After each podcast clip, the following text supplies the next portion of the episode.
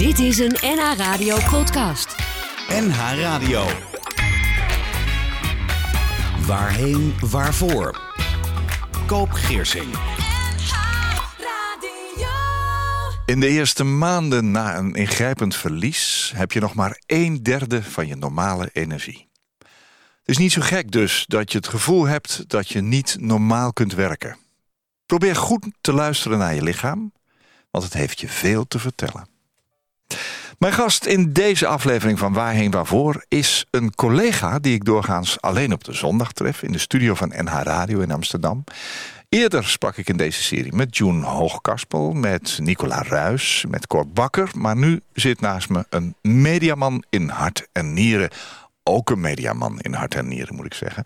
Radio, tv, film, video en op zondagochtend technicus en presentator Marcel Hofman. Welkom. Goedemorgen, Koop. Een keer aan de andere kant van de tafel, hè? Ja, dat is wel grappig. Ja, het wel leuk. En meestal zit je tegenover me. Ja. Dat is vandaag eh, Maarten. Goedemorgen, Maarten. Ja, die zorgt er nu voor dat eh, het geluid klinkt zoals het klinkt. Marcel, jij presenteert op zaterdag en zondag de agenda, maar jouw hele leven, heb je me laten weten, is een aaneenschakeling van media. Al vanaf je zestiende werk je voor de lokale omroep. Waar komt die liefde voor beeld en geluid vandaan? Dat is een hele goede vraag, want mijn ouders die hebben er helemaal niks mee. Dus, eh, dat is, Wat, wat deden je ouders? nou, mijn, va- mijn vader was, eh, zat in de bouw en eh, mijn moeder die werkte bij de Rijksuniversiteit Groningen. Want ik kom uit Groningen oorspronkelijk. Dat kan ik horen. Ja, en Ja. daar, daar de, de- dat was een soort van kantinebeheerster. Dus totaal helemaal niks met media. Dus, Hoe kwam eh, dat dan bij jou? Ik weet niet, toen ik 14, de- denk ik 13, 14 was, toen eh, luisterde ik naar de radio en toen dacht ik, dat is toch bijzonder. Dat er komt daar een stem uit en een muziek en dat, dat brengt een sfeer. Hoe, Waar luister je naar? Eh, toen nog naar de regionale omroep. want Daar luisterden mijn ouders altijd naar. Radio Noord. Radio Noord. Ja, dat, ja, dat ja. kon bijna niet anders. Eh, dus ik was daardoor gebiologeerd. Ik dacht, hoe zit, ik, ik was meer benieuwd, hoe zit dit allemaal? Hoe komt dit tot stand? En hoe zitten die mensen daar erbij? En dan had ik het dan wel met mijn ouders over. Dan was zoiets van, ja, joh, geen idee. Het komt eruit, het zal wel. Ehm, maar dat vond ik wel heel eh, interessant. En toen ging ik op mijn zolder zelf een studiootje bouwen. En daar begon ik dan eh programmaatjes te maken op cassette. En dan nodigde ik ook vriendjes en vriendinnetjes uit de buurt uit. En die gingen dan achter de, het microfoontje zitten. Oh, je had die spullen wel. Ja, dat ging ik dan bij elkaar scharrelen. En ik, eh, ik ging al folders lopen om, om geld te verdienen. Om, om dat soort dingen te kunnen kopen. Welke tijd hebben we het over? Jaren... Eh, eind jaren 80. Hè. Eind dus jaren ik was 80. 14, 15. Toen ik bij de lokale omroep binnenliep was het in 1989. Toen was ik 16. Hoe heb je dat aangepakt destijds? Eh, ik, ik zag in het eh, lokale krantje een advertentie staan... dat ze toen nog een technicus zochten bij de lokale omroep. Toen dacht ik... Ik ik wist helemaal niet wat het was. Ik dacht, wat, wat, wat doen die mensen dan? Maar goed, ik, ik dacht, nou ja, er is een opening. Ik, ik, ik kan daar binnenlopen. Ja. En toen werd ik in eerste instantie afgewezen omdat ik te jong was.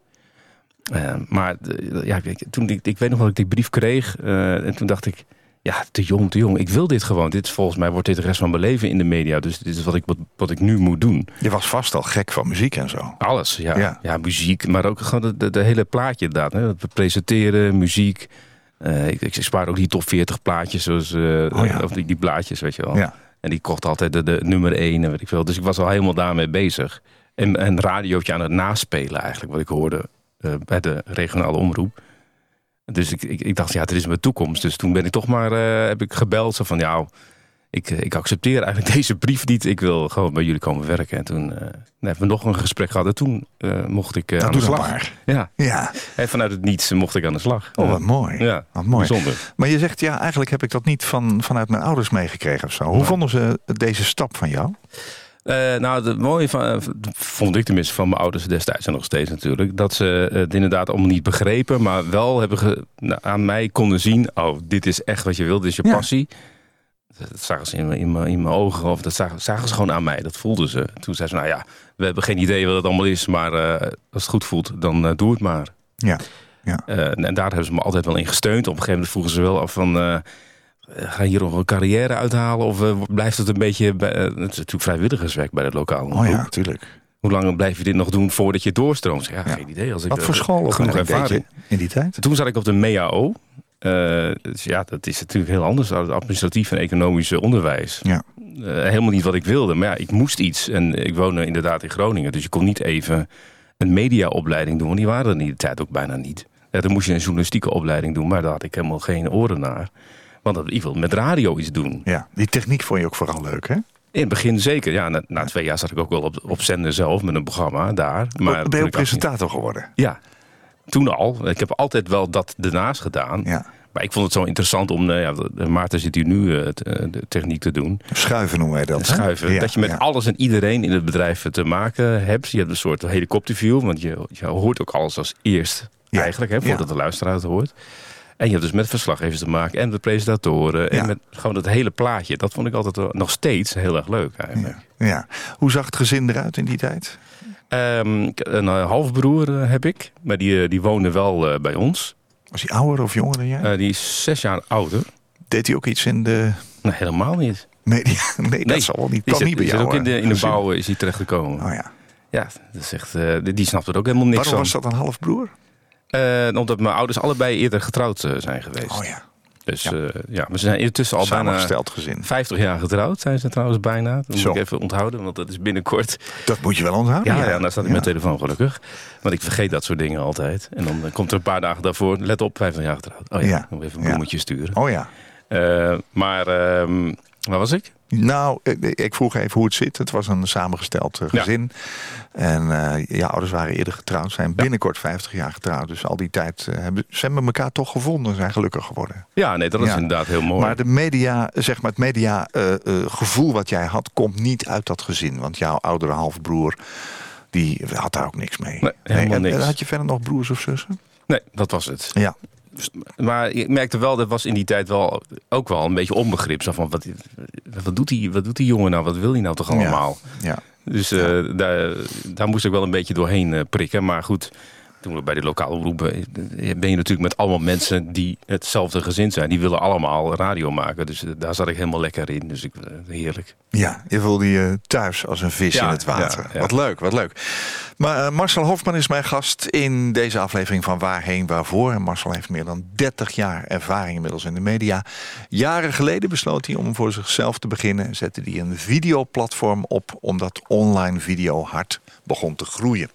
Marcel heeft gewoond en gewerkt in het buitenland... waarmee hij een droom werkelijkheid zag worden.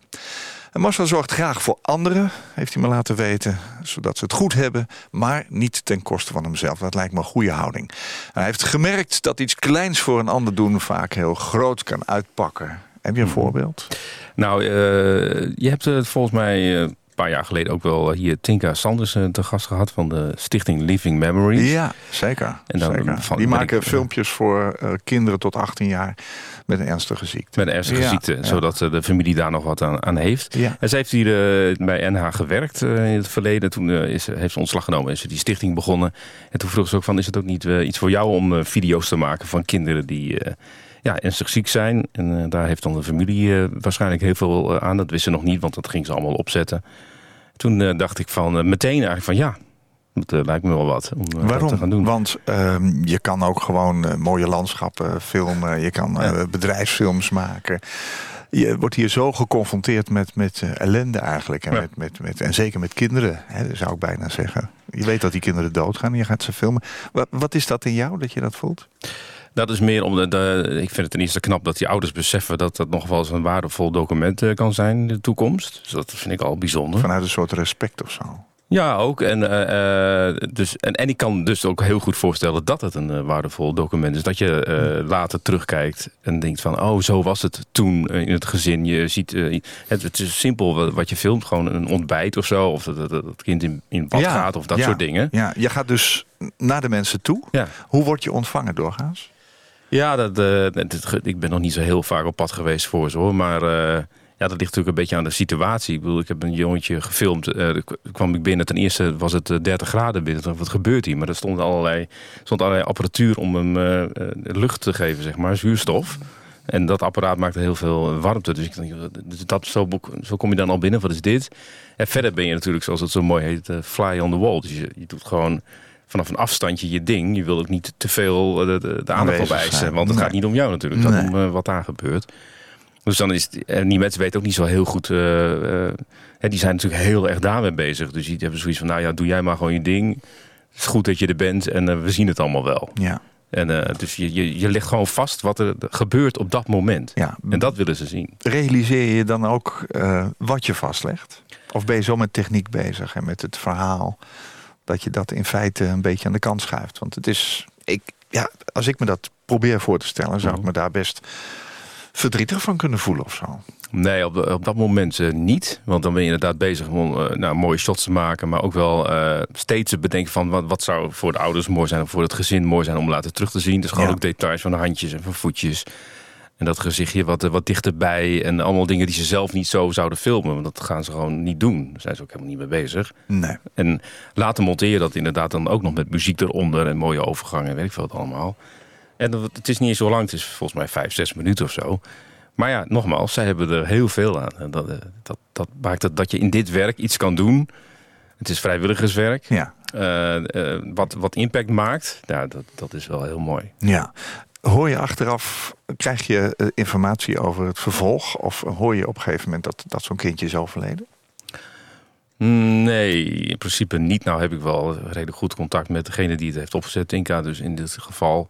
Dus dan is het contact wel iets anders en dan hoor je nog wel eens wat. Ja. Eh, we zijn ook één keer bij dat jongetje waar ik het net over had, zijn we ook bij de begrafenis eh, wezen filmen. Wat normaal gesproken helemaal niet onder de stichting valt. Dat doen ze helemaal niet. Maar dat Nee. was een verzoek, Van- een persoonlijk verzoek vanuit de familie. Toen dacht ik van, eh, heb ik ook meteen ja gezegd. Ja, dat is ja. dan een logische stap. En toen, dat is dan wel weer grappig. Eh, Want ik heb dus ook met die moeder en die vader en zo gesproken. En, en ook de, eh, een van de eh, broertjes, het nog, er zat er nog een kind. En hoeveel impact dat eh, eh, heeft gemaakt. Wat voor mij, zeg maar, dat is de, de grap een beetje klein was om te doen. Want ja, ik, maak gewoon, ik doe gewoon wat ik doe. Ja. Maar toen, toen ik met ze sprak, dacht ik echt... oh, maar het heeft zoveel meer met ze gedaan dan ik had, eh, dan ik ooit kan bedenken. Dat Ja. is echt heel Wat doet groot. dan met jou als je dat terugkrijgt? Nou, toen, toen ik dat eh, terugkreeg, toen had ik het pas echt door. Eh, Van, eh, oh, dit is dus wat we aan het doen zijn. Ja, kippenvel. Ja, dat is echt... eh, dat zij nog eh, nou, wekelijks ernaar kijken... en dan eh, met tranen in de ogen zitten... bij wijze van Ja. spreken door iets wat je hebt eh, gemaakt. Ja. En dat ze dat ook heel erg verbinden aan mij. Dat vond ik ook wel bijzonder. Toen ik ze voor de eerste... of daarna weer zag. Want ik heb ze daar inderdaad weer En je maakt meer indruk dan je zelf denkt eigenlijk. Ja. Hè? Dus eh, toen waren ze, oh Marcel naar me toe. En eh, nou, dat had ik helemaal niet verwacht. Ik was helemaal zo, Nee. hè, wacht even, jullie zijn nu toch met de begrafenis bezig. Maar ja. Ja. daar hadden ze blijkbaar heel veel waarde aan gehecht. Ja. Ja. Ja, mooi. Dus iets, iets kleins kan tot iets heel groots eh, Voor mij leiden. klein, want Ja. ik was er eh, in totaal eh, nog geen dag mee bezig. Nee. Dus ja, Ehm, ik ben in het dagelijks leven uitvaartverzorger. Ja. Ik heb jou ook een paar keer gevraagd. Zeker, ja. Bij een begrafenis nog. Ja. eh, in een, ehm, nou zeg maar, een beetje afgelegen begraafplaats. Hè. Dat moest ook gestreamd worden. Het was natuurlijk de coronatijd. En eh, nou ja, er was natuurlijk helemaal geen verbinding en zo. Dus dat is ook bezig zijn met het verdriet van anderen in feite in beeld te brengen. Die mensen hebben het daar nog steeds over. Dat ze dat nog regelmatig terugkijken. Vroeger was er geen sprake van. Er werden alleen eigenlijk bruiloften werden gefotografeerd. En later gefilmd. Maar Ja. tegenwoordig gebeurt het ook heel vaak bij een uitvaart. Ja. En je bent ook nog eens een keertje, eh, dat kan me nog herinneren, vanuit het centrum van Utrecht. Lopend met de camera. Met een hele grote stoet eh, meegelopen. Weet je nog, met paarden met en paarden. koetsen. en En, ja, dat is en een heel bijzonder verhaal. Ja, ja, dat is bijna een documentaire geworden. Ja, dat is het ook wel. Eh, Vind het mooi werk? Ja, ik vind het mooi Zinvol werk. werk? Ja, nou dat is het natuurlijk ook. Het, het is vooral zinvol omdat je... Ja, dan kom je weer op het feit dat je, jij gewoon je werk doet... maar dat het voor die mensen zoveel impact heeft. Dus dat is dan Ja. zinvol, Ja. automatisch. Is dat een belangrijk ding in je leven? Dat, dat dingen ook zinvol moeten zijn? Nee, hoeft niet per se zinvol te zijn. Want ik dacht altijd tot, tot voor kort, ook tot voor de stichting, dat wat ik deed ook met video, dat, dat, dat is helemaal niet zo zinvol. Want eh, ja, het zijn gewoon commerciële opdrachten die je doet. En eh, nou, dat was het dan. Maar dat je dan met datzelfde werk, wat je al eigenlijk doet, toch iets zinvols kan doen. Ja. Dat was dan opeens wel de eye-opener van wow, dat kan dus ook gewoon. Ja. Dat Ja. is wel heel mooi. Ja, dat is mooi. Je ouders zijn binnenkort 15 jaar getrouwd. Ik heb jou gevraagd, neem nou eens vijf liedjes mee voor op je uitvaart. Je bent een mediaman, dus Niet je te mag wel ietsje meer doen. En je zei meteen, je schreef meteen terug van wat een opdracht. Ja, dat is niet te doen. Te veel. Nee, kijk, als te je inderdaad sinds je, als je een soort je, wat ik net al zei, soms, sinds je 14 de radio maakt en dus eh, miljoenen eh, plaatjes voorbij het horen komen. Ja. Ja. en dan eh, nu in dit geval dan vijf kiezen. Ja. Nou, dat is niet te doen. Maar ze moeten op je eigen uitvaart horen zijn. Ja, ja, dat dat was de opdracht. En dat is ook lastig inderdaad, want daar hadden we het net nog even over. Eh, ik denk toch ook automatisch in radio. En ik denk van, nou, we vinden de mensen een beetje leuk. En eh, nou, de- de- deze is voor mijn moeder en zo. Ja, Ja, ja. dat ga je toch automatisch doen. ja, waarschijnlijk wel. We gaan dus een liedje voor je moeder draaien. Waar heb je voor gekozen? Het is Edith Piaf. En uh, non-Greterienne. Waarom wil je dat, waarom wil je dat eh, voor haar eh, opdragen, zullen we zeggen? Nou, omdat ze daar, eh, ja, dit- eh, Edith Piaf is, ik weet niet waarom, dat ze, ze heeft daar gewoon altijd al een fasc- fascinatie voor gehad. Ja? Ja, eh, vroeger de LP's eh, zie ik nog wel liggen. En eh, ja, geen, ook gewoon wel eh, dit nummer ook wel geen spijt, nergens spijt van. Dat heeft ook wel, dat vind ik ook wel een mooi iets, want het staat ook wel een beetje op haar leven, denk ik, die van moeder en dat, die van mij ook wel. Dus Ja, dat, Zo kijkt ze ook wel geen terug. spijt. Ja. Nee, nou mooi.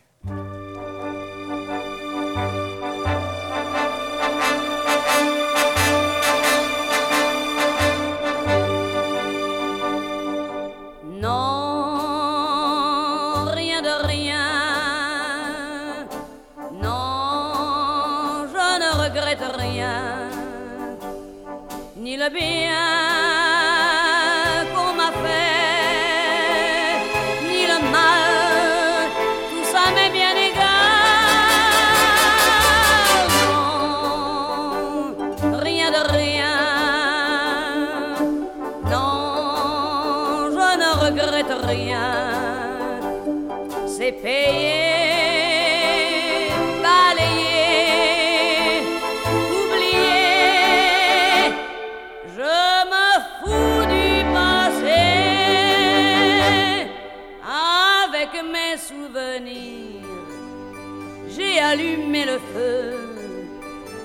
chagrins, mes plaisirs, je n'ai plus besoin de balayer les amours avec leur trémolo, balayer pour toujours.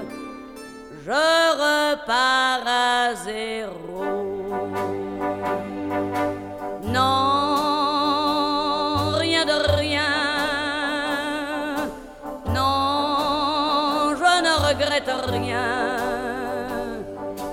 Bien qu'on m'a fait, ni le mal, tout ça m'est bien égal.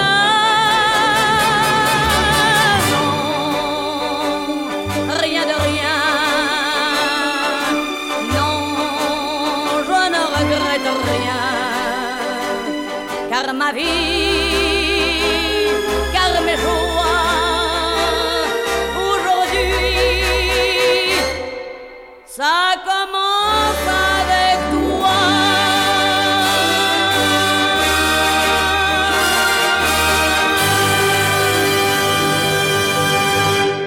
praten er niet doorheen. Edith Piaf. Piaf is eigenlijk niet haar echte naam, want ze heet Edith Giovanna Gassion. Ehm, en Piaf is een mus in het Frans. Heb ik wel eens gehoord. Dus, eh, ze wa- was ook niet een hele grote vrouw. Hè? Nee, ze is een beetje grijze 47 bus. geworden. Ja. Nou, ja, dat kun je zeggen. Dat klinkt alweer een beetje had altijd wel zwart maar- aan vroeger, van wel Ja. zwarte kleden. Ja, dat klopt, ja. ja. En een geweldige stem. Non, je ne regrette rien. Ik heb nergens spijt van. Dat gaat ook voor je moeder. Hoe heet je moeder? Ze heet, eh, ja, de officiële naam is Vrouwtje, maar we noemen haar Frida. Frida. Ja. Oh ja? Dat vindt ze zelf. Waar eh, komt dat vandaan dan? Omdat ze vroeger, volgens mij werd ze gepest met vrouwtje. Of vrouwketje is het ook of zo. Dus het is net anders. Ja. Eh, dus Right. heeft ze er zelf een Frida van gemaakt. Vrouwtje is toch echt wel een, een, een naam uit het noorden, of niet? Ja. Vrouwtje? Zou dat kunnen? Ja, weet ik niet. Ze heeft ook in Amsterdam gewoond, dus zou, ik weet er geen idee. Nee. Nou, het was in ieder geval voor eh, Frida. Ja, voor Frida. Ja, nou leuk. En binnenkort dus 50 jaar getrouwd. Van Ja. harte gefeliciteerd. Luisteren je ouders nog wel eens naar jou? Eh, nou ja, ze wonen in het eh, noorden van het land, eh, 200 kilometer verderop. En eh, dus dat is niet zo goed te ontvangen. En ja, ze zijn niet zo heel goed met computers en zo. Nee? Dus eh, dat, eh, dat doen ze niet. Nee. nee. Zijn ze trots op je? Ja, eh, ondanks eh, eh, wat we het net al over hadden, dat ze het allemaal niet zo goed begrijpen, de mediawereld en weet ik veel wat allemaal, zijn ze altijd wel trots op geweest. Ook op het feit dat ik op een gegeven moment eh, eh, besloten heb om naar het buitenland te gaan. Ja.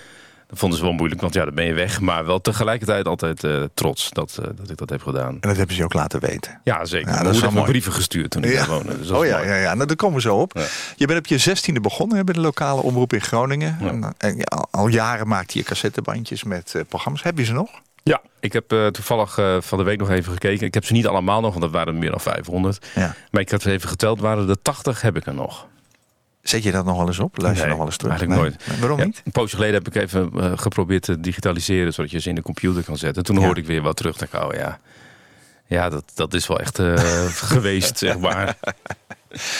Ja. heel, en misschien ook wel een beetje lullig gewoon om terug te horen. Want ja, was, het is een tijdsbeeld natuurlijk. Nee, maar zo begin je toch? Ja. Dat is ook helemaal niet erg. Nee. Je kreeg een vaste baan bij RTV Noord, zoals dat toen heette. En op je 27e nam je ontslag om je eigen studio te beginnen. En wat eh, tv-formats, dus eh, programma voorstellen, zeg maar, uit te proberen.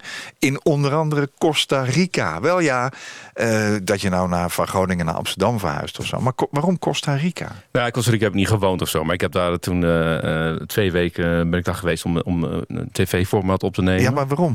Waarom Ja, Costa. Rica? Ja, het was een idee om Nederlanders die in het buitenland wonen of werken, iets, iets daar doen, die te volgen. Heb je dat zelf bedacht? Ja, nou ja, ja. Waarom?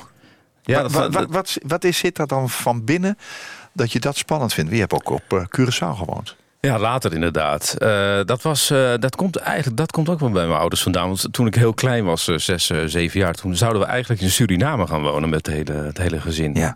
Mijn tante die woonde in Suriname. Die heeft er twintig jaar gewoond in totaal. Dus de enige zus van mijn moeder. Is er een relatie, zeg maar, qua familie met Suriname? Eh, ja, de- mijn tante woonde daar. Dus, Ja, maar was zij Surinaams of met een Nee, Surinaamse zij was man met een? Surinaamse man getrouwd. Eh, Dat is de relatie. Dat is de relatie. Ja. En eh, mijn vader zou daar, kon daar een goede baan krijgen in de scheepsbouw. Maar op het laatste moment ging dat bedrijf failliet. En, Dat is jammer. de, de spullen waren al ingepakt echt in, in de kamer. En ik, ik was al geweest met mijn vader om te wennen op een school. Eh, toen ik zes, zeven jaar was. Oh, Eh, dus in die tijd ben door. jij al, heb je al een hele grote reis gemaakt. Ja. En heb je daar al een tijdje rondgelopen. Is daar Ja. het zaadje geplant Ja, dat voor? denk ik. Oh ja, ja.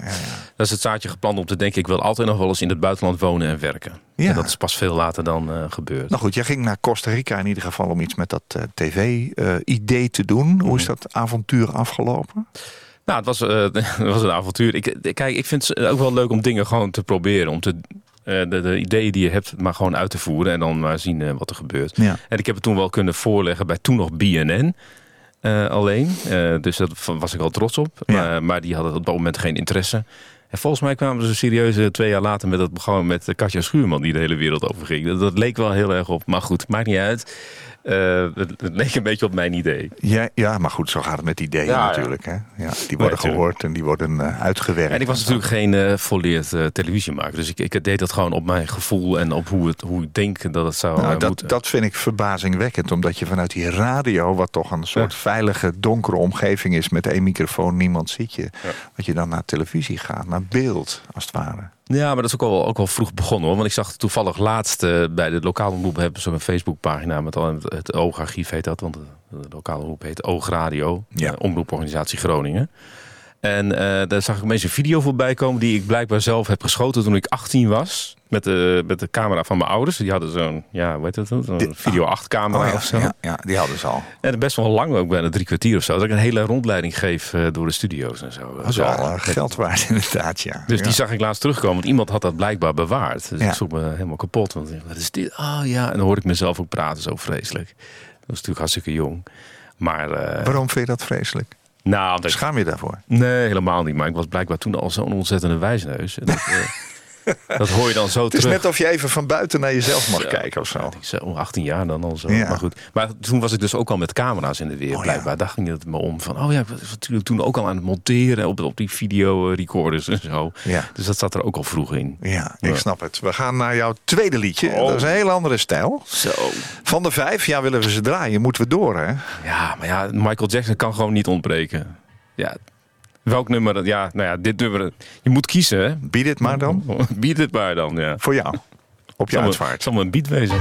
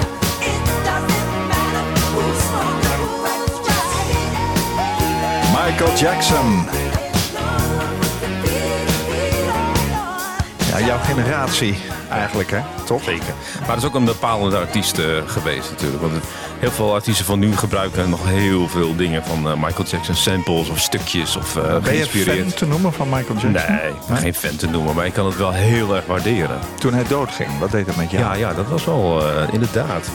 Toen was mijn dochter nog niet zo heel oud. Een paar maanden volgens mij was het net, of net een maand. Dat was in 2009. En toen schrok ik wel heel erg. Ja, toen dacht ik, ja, maar dan, valt er een, een klein beetje een bodem eh, weg van eh, je hele jeugd ook gewoon. En dus ook, iets- ja, je ziet er niet aankomen. Hij was nog niet super oud of zo, Nee. dat soort dingen. Nee. En hij zou natuurlijk weer nieuw, eh, juist nieuw on tour gaan. Of tenminste in, in Engeland dan, in Londen gaan staan. Ja, maar ja, dat ging niet door. Dus ja, dat was heel raar. Kom je toch een klein beetje in rouw terecht. Ja, een klein beetje wel, ja. Gek Ja. genoeg. Ja. Ja. ja, want hij was van ons allemaal, hè? Ja, Ja, dat had ik ook met eh, het overlijden van Elvis bijvoorbeeld. zeker. John Lennon, die, die, die grote namen. En eh, ja, Michael Jackson ook zo. Ja, met Amy Winehouse bijvoorbeeld ook. Dat is dan weer eh, wat, Prince. Ze was wat jonger, maar ja. Oh. Ja, Prince natuurlijk nog niet zo lang nou, geleden. We, we kunnen nog een hele Ja, club, club noemen. Nee, ja, dit programma gaat natuurlijk waarheen waarvoor gaat natuurlijk over, over rouw, over verlies, over los moeten laten, over dood. Ja. Ehm, je hebt een dochter. Hoe oud is ze inmiddels? 12. Twaalf. Ja. Ja. Doe je veel met haar? Ja, eh, nou, we zijn eh, of, ja, gescheiden, zeg maar. Haar moeder en ik eh, wonen niet bij elkaar. Maar dat is al heel lang niet zo, al 10, Nee. 11 jaar zo. Mhm. Dus als ik mijn dochter heb, zoals het zo mooi heet, twee, drie dagen per week, dan, dan, heb, dan zijn we ook veel één op één. Dus dan is het Doe dat bewust? Want ja. je bent best druk. Eh, ja, maar eh, dat, is, dat is toen al zo ontstaan. En dat één op één maakt wel dat het misschien wel een hechtere band krijgt dan als je dat in een gezinsverband zou doen met misschien nog wel meer kinderen of weet ik veel. Dus Hoe doen jullie dat? Wat doe je als je, als je samen bent? Nou, dat is veranderd natuurlijk omdat ze nu bijvoorbeeld eh, net op de middelbare school zit. Dus dan, dan loopt het leven weer anders. Maar hiervoor, eh, we, gingen altijd samen op pad. Gewoon overal naartoe. We zijn ook met z'n tweeën op vakantie geweest. Ja, ja. Gewoon Ibiza, weet ik veel. Van, van alles hebben we gedaan. Maar ook samen koken vaak. Als, nou, ook nog, nu ook nog wel als ze er is. Dan, dan Waar heb je het samen over? nou, eigenlijk wel over echt, alles. Dus eh, eh, school, maar het gewone leven. Maar ik, ik merk ook wel, omdat we veel één op één zijn, dat ik ook gewoon wel veel mijn gevoel vertel. Dat ik gewoon eh, zeg van, ook, ook wel mijn zwakheden misschien ook wel, als je die zo mag noemen. Ik zeg van, ja, ik zit nu eigenlijk wel een beetje hier en daar mee. Want ja, we zijn zoveel één op één, dat ze dat beter maar gewoon kan weten. Want dat merk je dan toch wel, Ja. dat er iets is of zo. Hoe gaat ze daarmee om? Eh, ze vinden het volgens mij altijd wel fijn om, eh, om, om te weten. Want ze, ze voelen, hè, de kinderen voelen heel veel aan natuurlijk. Voelt ze misschien al dat, dat er iets is. Ja. En dan benoem ik dat. En Ja. dan kan ze het plaatsen. Ja. Oh, oké, dan is dat het. Kun je het ook hebben over verdriet bijvoorbeeld? Ja, zeker. Ja, ik heb het eh, bijvoorbeeld toen, eh, dat volgens mij vorig jaar, een aantal collega's, zo'n beetje oud-collega's eh, van, nou, waar we het net over hadden, het, eh, RTV Noord, achter elkaar zo'n beetje overleden. Ja. Daar heb ik het ook wel met haar over gehad, omdat het toen pas een gigantische impact maakte op mij. Dat ik, die mensen heb ik al heel lang zijn uit het vizier geraakt. Ja. Dat ik natuurlijk de halve wereld over ben geweest Wat, enzovoort. wat bedoel je daarmee met het heeft heel veel impact op mij gemaakt? Dat, Dat ze ik, dood eh? Nou, in dit geval dat ik dan uh, terug uh, dacht aan die tijd dat ik uh, daar werkte. En dat, dat zei me eigenlijk, uh, want ik was natuurlijk de jongste toen ook die, de, die daar werkte, mij een beetje onder een hoede hebben genomen. En uh, dat ik dat, dat op dat moment heb je dat niet zo door. Als je zelf, ik zeg maar wat 21 bent en er zijn mensen van in de 40 die jou onder je hoede nemen. Ja, geen, dat voelt dan niet meteen zo. Nee. Maar achteraf uh, alsnog dus wel. Ja. Toen dacht ik me, ja. ja, maar die hebben gewoon eigenlijk heel veel voor mij betekend. Ja. Sta je wel eens stil dat het jou ook kan overkomen? Wat bedoel je? Nou, doodgaan. Ja, zeker. Sta ik heel veel bij stil. Ja. Uh, het, is nou, ja, het, is, uh, het is onvermijdelijk. Je gaat natuurlijk dood. Dus uh, dat is, klinkt misschien wat nuchter.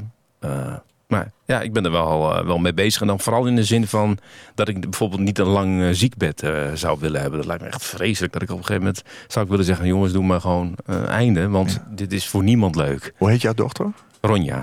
Ronja, mooie naam. De roversdochter. Ja. Oh ja. Daar ja. is het van. Maar um, weet Ronja bijvoorbeeld dat jij dit niet wil? Ja. Daar heb je het wel over gehad. Ja, van elkaar. de week toevallig nog. Nou, ja. naar aanleiding van deze uitnodiging. Ja, ook, maar ook wel daarvoor heb ik, uh, ik heb bijvoorbeeld jaar geleden ook wel, ik, ik, heb het er wel eens met haar over. Uh, want we hebben natuurlijk in de familie wel mensen gezien ja. die, die, een lange leidensweg uh, ja. hebben voordat ze sterven. Ik nou, nee, maar ik vind het wel knap, niet. want uh, ik maak in mijn praktijk wel mensen mee die dat helemaal niet met hun kinderen willen bespreken. Willen, willen ze daar niet mee belasten bijvoorbeeld? Ja, ik weet niet of het belasten is of gewoon duidelijk aangeven hoe je het, het niet wil. Maar hoe Eh, reageert Ronja daar bijvoorbeeld op? Vindt ze het naar als je over het onderwerp praat? Eh, nou, ze is vooral redelijk. eh, nee, ze vindt het niet naar. Ze, ze- we, hebben altijd, altijd, wel, altijd wel over dood gehad. Ja, dat klinkt dan misschien eh, heel negatief, maar helemaal, niet op die manier. Realistisch. eigenlijk. Realistisch. Ja. Want eh, de, eh, haar, haar moeder heeft, eh, die heeft haar broertje verloren toen, ze, toen hij 19 jaar was. Ja. En ze gaan nog steeds elk jaar bijvoorbeeld naar het graf toe. Dus Haar oom. ja, haar Ja. oom eigenlijk. Ja. Die, die is ook gewoon als oom benoemd, maar die ze nooit heeft gekend. Maar ze gaan elk jaar naar dat graf. Oh ja. En dus ze heeft daar, dat, dat snapt ze. Van, oké, dan... Ja. Wil jij gecremeerd worden of wil je begraven worden? Ik wil eh, begraven worden, maar volgens mij hoorde ik laatst... eh, was het bij jou in de uitzending eh, iemand over een natuurbegraafplaats? En toen dacht ik wel, hé, hey, dat vind ik dan ook wel weer eh, interessant. Zij verstaat de kunst van bij me horen. In mijn lichaam heeft ze plaats gemaakt voor twee. In mijn ogen woont ze, in mijn oren. Ze hoort en ziet mijn hele leven met me mee. Soms begint ze in mijn hart te zingen. Waar het nacht heeft ze lichtjes aangedaan. En door haar weet ik dan door te dringen. Tot de onvermoede schat van ons bestaan. Zo alleen maar wil ik verder leven, schuilend bij elkaar.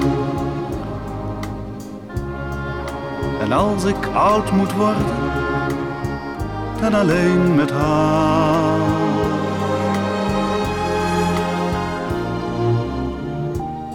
Zij kent al mijn dromen en mijn wanen, al mijn haast en al mijn honger en mijn spijt.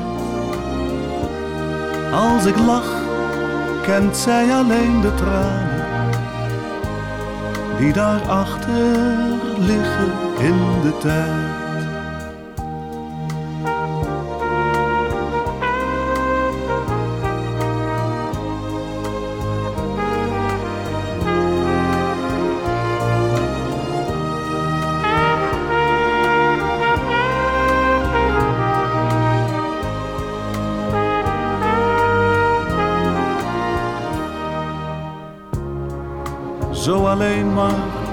Verder leven, schuilend bij elkaar.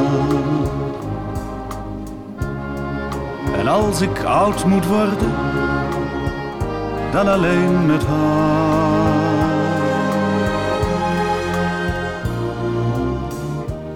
Zij is meer dan deze woorden zeggen. In mijn lichaam heeft ze plaats gemaakt voor twee.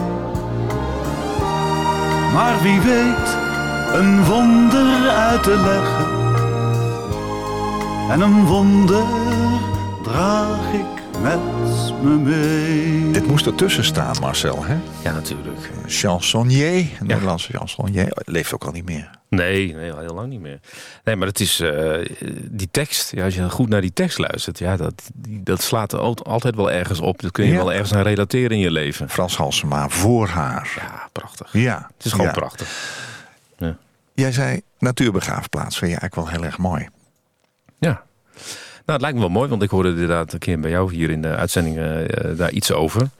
En toen bedacht ik me eigenlijk, ja, misschien moeten we daarin gaan verdiepen. Want Ja. dat, lijkt me wel een mooie manier. Want je bent Ja. een soort van uit de natuur ontstaan. eh, en dan ga je ook weer op die manier terug of zo. Ja. Geen idee, maar dat gevoel had ik erbij. Maar, maar je kiest niet voor cremeren. nee, Nee. vind ik zo definitief.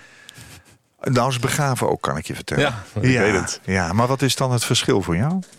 Ja, ik weet, ja, nou, wat ik zei, ik, dat cremeren, ja, dan, dat, ik, dat blijft zo eh, letterlijk en figuurlijk zo weinig over. En een eh, graf waar je naartoe kan eh, gaat, gaat staan. En je weet nog dat, ook al is dat, zijn er een paar botten op een gegeven moment die daar liggen. Maar toch, dat is toch ook die persoon geweest. Dus daar kun je gewoon bij gaan staan. Ik weet niet, dat heeft een heel ander gevoel bij dan Ja. bij cremeren. Het is het plekje, zeg maar. ja. Waar je ook misschien wel als nabestaande omheen hebt gestaan op dat moment.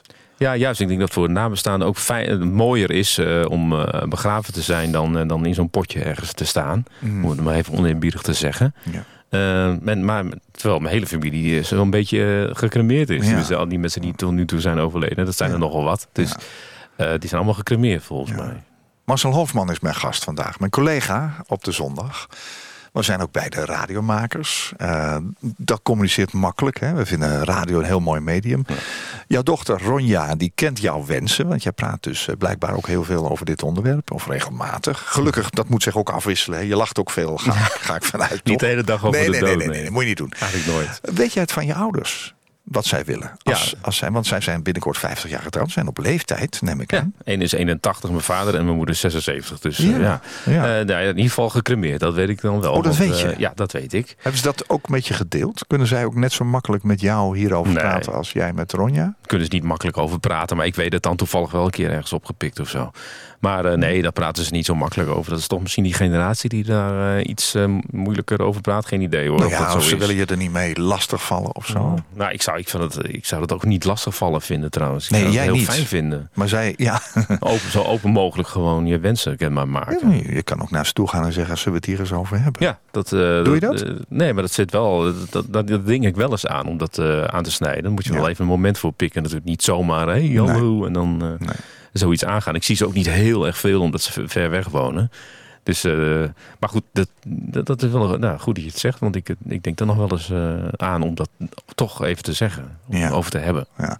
Het is doorgaans wel zo dat eh, op het moment dat iemand overlijdt... je doorgaans tijd genoeg hebt in de dagen die daarop volgen... om de dingen ook goed te bedenken en zo. Maar er zijn ook wel mensen die het heel fijn en belangrijk vinden... om daar al heel veel van geregeld te hebben. Ja. Heb jij dingen geregeld? Eh, nee, ja, ik heb wel een, een, eh, volgens mij is het gewoon een verzekering, toch? Een, eh, Oh ja, Polis. Ja, dat, nou ja, dat Ja, is maar, dan... maar, maar ook, stel dat het jou overkomt en, Hmm. en Ronja moet daar iets mee. Weet ze dan hoe jij die dag van de uitvaart... Nee, dat heb ik, dat heb ik niet. Ik, ik vind het eigenlijk Laat ook je dat aan haar over? Ja, vind ik eigenlijk wel. Dat, Ja. dat je dat aan familie overlaat. Want zij, zij moeten dat doen. Zij moeten er nog daarna mee leven. En jij bent er dan niet meer. Het zou wel leuk zijn als een paar van die liedjes eh, gedraaid worden. Omdat ze dan dat refereren Maar je hebt aan nou een lijstje in Dat vind ik leuk. Ja, dat is Ja. in ieder geval een begin.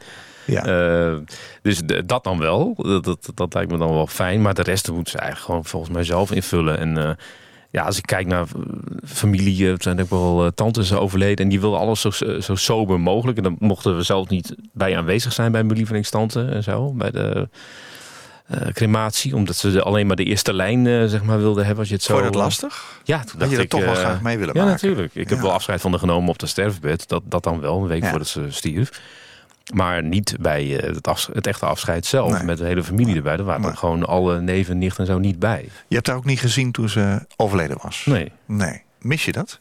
Ja. Had, je dat had je dat toch wel willen zien? Ja, er werd ook helemaal geen aandacht aan besteed. Dus dat vond ik ook wel een beetje. Ik denk, Ja. oh zeg, wij, eh, ja, het is heel raar dat dat maar gewoon. Het is, eh, dat is gewoon gebeurd. En Ja. eh, we waren er gewoon niet bij. Dat, Nee. dat, zo zou ik dat dan weer niet willen. Nee. Ik zou niet zeggen, nou doe maar zo sober mogelijk en Nee. koffie met cake en, en dan maar weer weg. Nee, ik zou, het al, ik zou het nog het liefst zeggen zoals een andere tante van me heeft gedaan. Die heeft er een feestje van gemaakt. We zaten daarna bij, bij de Japaner met z'n allen te eten. En dacht ik, ja. Je eh, viert het leven. Ja, eigenlijk. zaten we te lachen bij de Japaner. Niet Ja. om haar dood natuurlijk, maar gewoon om, eh, om bij elkaar te zijn. En eh, er waren wel mensen bij die toen het gevoel hadden van dat is raar. We zitten hier gewoon het leuk te hebben terwijl we net iemand hebben begraven. Dat was dan een begrafenis. Maar ik, ik had alleen maar zoiets van, ja, nee, maar dit snap ik. Dit vind ik fijn. Dit Ja. eh, wil ik ook wel zo, zo meteen. Nou ja, ik, zoals ik vaak naar uitvaarten kijk van een afstandje als uitvaartverzorger, maak je dat vaak mee. Ja. Vind ik het ook altijd wel fijn dat je het leven viert en dat je bij het leven stilstaat. En niet zozeer bij dat, eh, dat ziekbed bijvoorbeeld of bij het sterven zelf. Dat is een Maar heel een verdrietig stukje, moment. Maar als de rest van het leven anders is geweest, dan is, is, is het eigenlijk jammer dat je daar niet meer aandacht aan besteedt, vind ik soms. En hoe zit het met jou eigenlijk? Wil je begraven worden of eh gecremeerd? Oh, dat is heel persoonlijk. Ja, je zou zeggen, ik weet het allemaal wel. Hè? Omdat Ja. ik het natuurlijk eh, voor andere mensen regel. Maar ik, ik weet het oprecht niet. Ik vind Nee? eh, cremeren ligt voor de hand. Maar ik vind begraven ook mooi. En dat heeft ook te maken met de dag van de uitvaart. Iemand ergens naartoe brengen. Eh, ik vind een natuurbegraafplaats vind ik ook een heel mooie gedachte. Eh, Heb je dat al je- meegemaakt als, eh, als, als, als, als begrafenisondernemer? Heb je Ja, je al zeker. een- ja? ja? zeker. Ja. Op, diverse plekken in Nederland. Want de natuurbegraafplaatsen komen er steeds meer. Eh, ik woon in Zeist. En daar heb je in de buurt al een aantal. Maar ik ben ook... Heidepol is een hele belangrijke, heel grote, ook een heel groot gebied. Ja, er- is een grafgedolven, zoals dat heet. Hè. Mhm. Er ligt een gat. En daar gaat de overledene in, vaak met touw. Ehm, er ligt een hele grote berg zand naast. Schoppen staan erin. De familie graaft zelf een stukje mee. Ja. En sommige mensen sluiten het hele graf. Heb ik laatst nog gedaan op Heidepol. Stromende regen. Maar we zijn net zo lang bij het graf gebleven tot het helemaal dicht was. Ja, dat geeft je toch het gevoel dat je eh, het zelf gedaan hebt. Dat vind ik een mooie gedachte. Dus wellicht... ehm, Er ligt er dan ook een steen op of een gedenkplaat of Nee, helemaal niks? nee vaak kun je op zo'n eh, natuurbegraafplaats wel iets van een klein monumentje. Maar dat moet je afnemen bij de natuurbegraafplaats. Want dat willen ze natuurlijk allemaal hè, zeg maar bepalen. Er moet niet een wildgroei ontstaan aan dingetjes. Nee. Maar meestal niet, want de natuur moet zijn gang gaan. En weet, eh, jij weet als nabestaande waar het plekje was. Ja, ja, dat is en dat is een goeie. Ja, dat is wel grappig. Of grappig. Mijn oma hebben, hebben we begraven al heel lang geleden. En eh, in Groningen. En ik zou nu, eh, ik ben natuurlijk duizend jaar niet geweest. Maar ik zou nu zo die begraafplaats op kunnen lopen. Ja. En dan direct naar het graf. Ja, ik weet gewoon ik waar het, waar het, eh, waar het Ja. is. Want dat hebben we ook zelf inderdaad dicht gegooid, zou ik Ja. bijna willen zeggen. Ja, zo doe je het. Ja, en, Ja. en dat blijft gewoon bij je. Bijzonder. Dus ik zou er zo naartoe lopen. Ja. We kunnen niet vijf liedjes draaien, maar wel vier. Blinding Lights van Jori. Eh. Maarten, daar moet je maar even naar kijken. Ehm, daar heb je toch nog een verhaal bij. Ja, dat is heel mooi. Die ben ik hier eh, tegengekomen bij NH. eh, nou, wat is het? Zeven jaar geleden of zo. Was het nog eigenlijk een soort van klein meisje. Volgens mij was ze toen ook nog helemaal 18 of zo. En een soort eh, talent. We hadden hier toen eh, op tv een soort eh, talentenprogramma. NH Poppodium eh, heette dat. En ik kwam haar op de gang tegen. Nou, tegen, ik liep echt tegen haar aan. tegen erop, letterlijk en figuurlijk. En toen dacht ik even, hè? Wat is dit? De, eh, heel bijzonder. En ook wel een mooi meisje om te zien Ja, trouwens hoor. Maar ja. ook gewoon, ik weet niet, er was meteen een soort connectie. Dat was heel raar. Dus oké. En toen wist ik nog helemaal niet dat zij daar ging optreden. Want ja, even later ging ze dus eh, de, de liedjes zingen en eh, met gitaartje en zo. En toen dacht ik, jee, nee, wat, wat is dit toch puur en wat is dit toch eh, mooi. Gewoon, dat- Maar ze had al een aura waar je Ja. niet omheen kon. Heel bijzonder. Ik heb later ook nog een, een soort mini-documentaire met haar gemaakt, met mijn cameraatje. En dat is eigenlijk wel mooi, want nu zijn we intussen zoveel jaar later en zit ze in de band van Ilse de Lange. Dus dat is dan wel grappig. Ze Ja. heeft een hele ontwikkeling doorgemaakt. Nou, en ik mooi. volgde nog een beetje. Ja. En eh, ja, ik weet niet, haar stem is zo, eh, zo puur. Dat, eh, dat, dat, het gaat om merg en been, bij mij tenminste. Hoe heet het liedje? Dit, ja, dit is Blinding Lights. Gewoon, dit, is, dit is een cover. Ze heeft ook eigen liedjes. Maar dit is de cover van de, de hit Blinding Lights.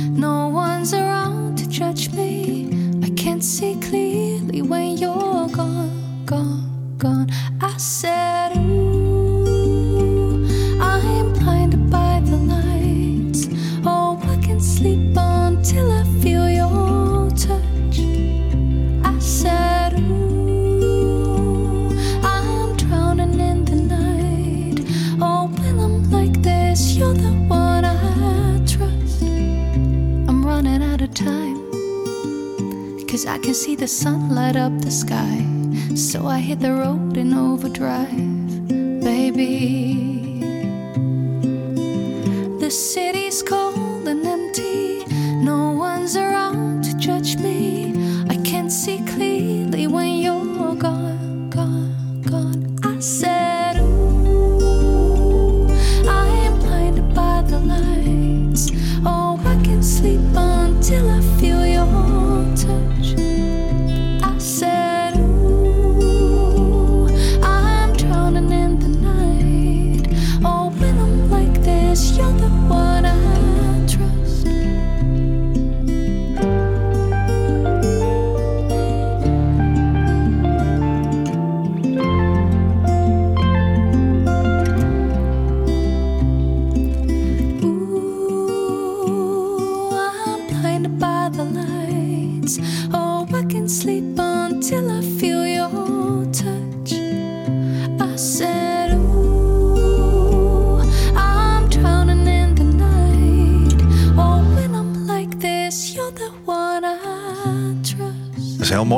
Ja.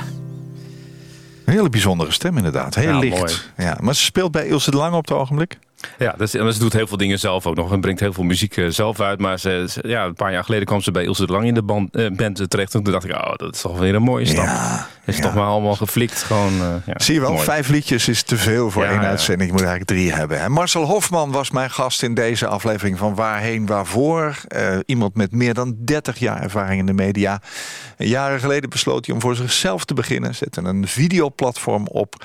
En Marcel heeft gewoond en gewerkt in het buitenland. We hebben Costa Rica al even laten vallen, maar ook Curaçao. Hè? Heb je er gewoond, drie hè? jaar gewoond. Heb je een eh, radiostation opgezet? Ja, Dolfijn FM. Ja, het bestaat nog steeds. Ja. Leuk man. Maar je bent toch weer teruggekomen ook, hè?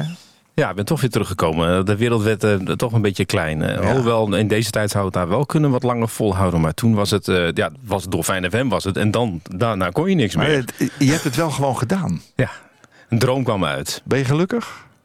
Op dit moment? Ja. Ja. En in die tijd helemaal. Want het- die droom kwam uit op Curaçao. Dat was echt Ja. super. Staan er nog plannen eh, in de koelkast bij jou? Oh, Eh, koop. ja. Ik heb zoveel plannen.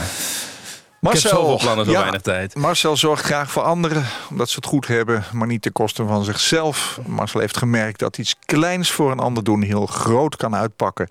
Dank dat je er was. Ja, bedankt dat ik er mocht zijn. Nou, met alle liefde. Koop Geersing. Als jij een keer te gast wilt zijn in Waarheen Waarvoor om te vertellen over jouw levensreis, laat me dat dan weten via waarheenwaarvoor@nhradio.nl. Waarheenwaarvoor@nhradio.nl. Dit was een NH Radio podcast. Voor meer, ga naar nhradio.nl. Radio.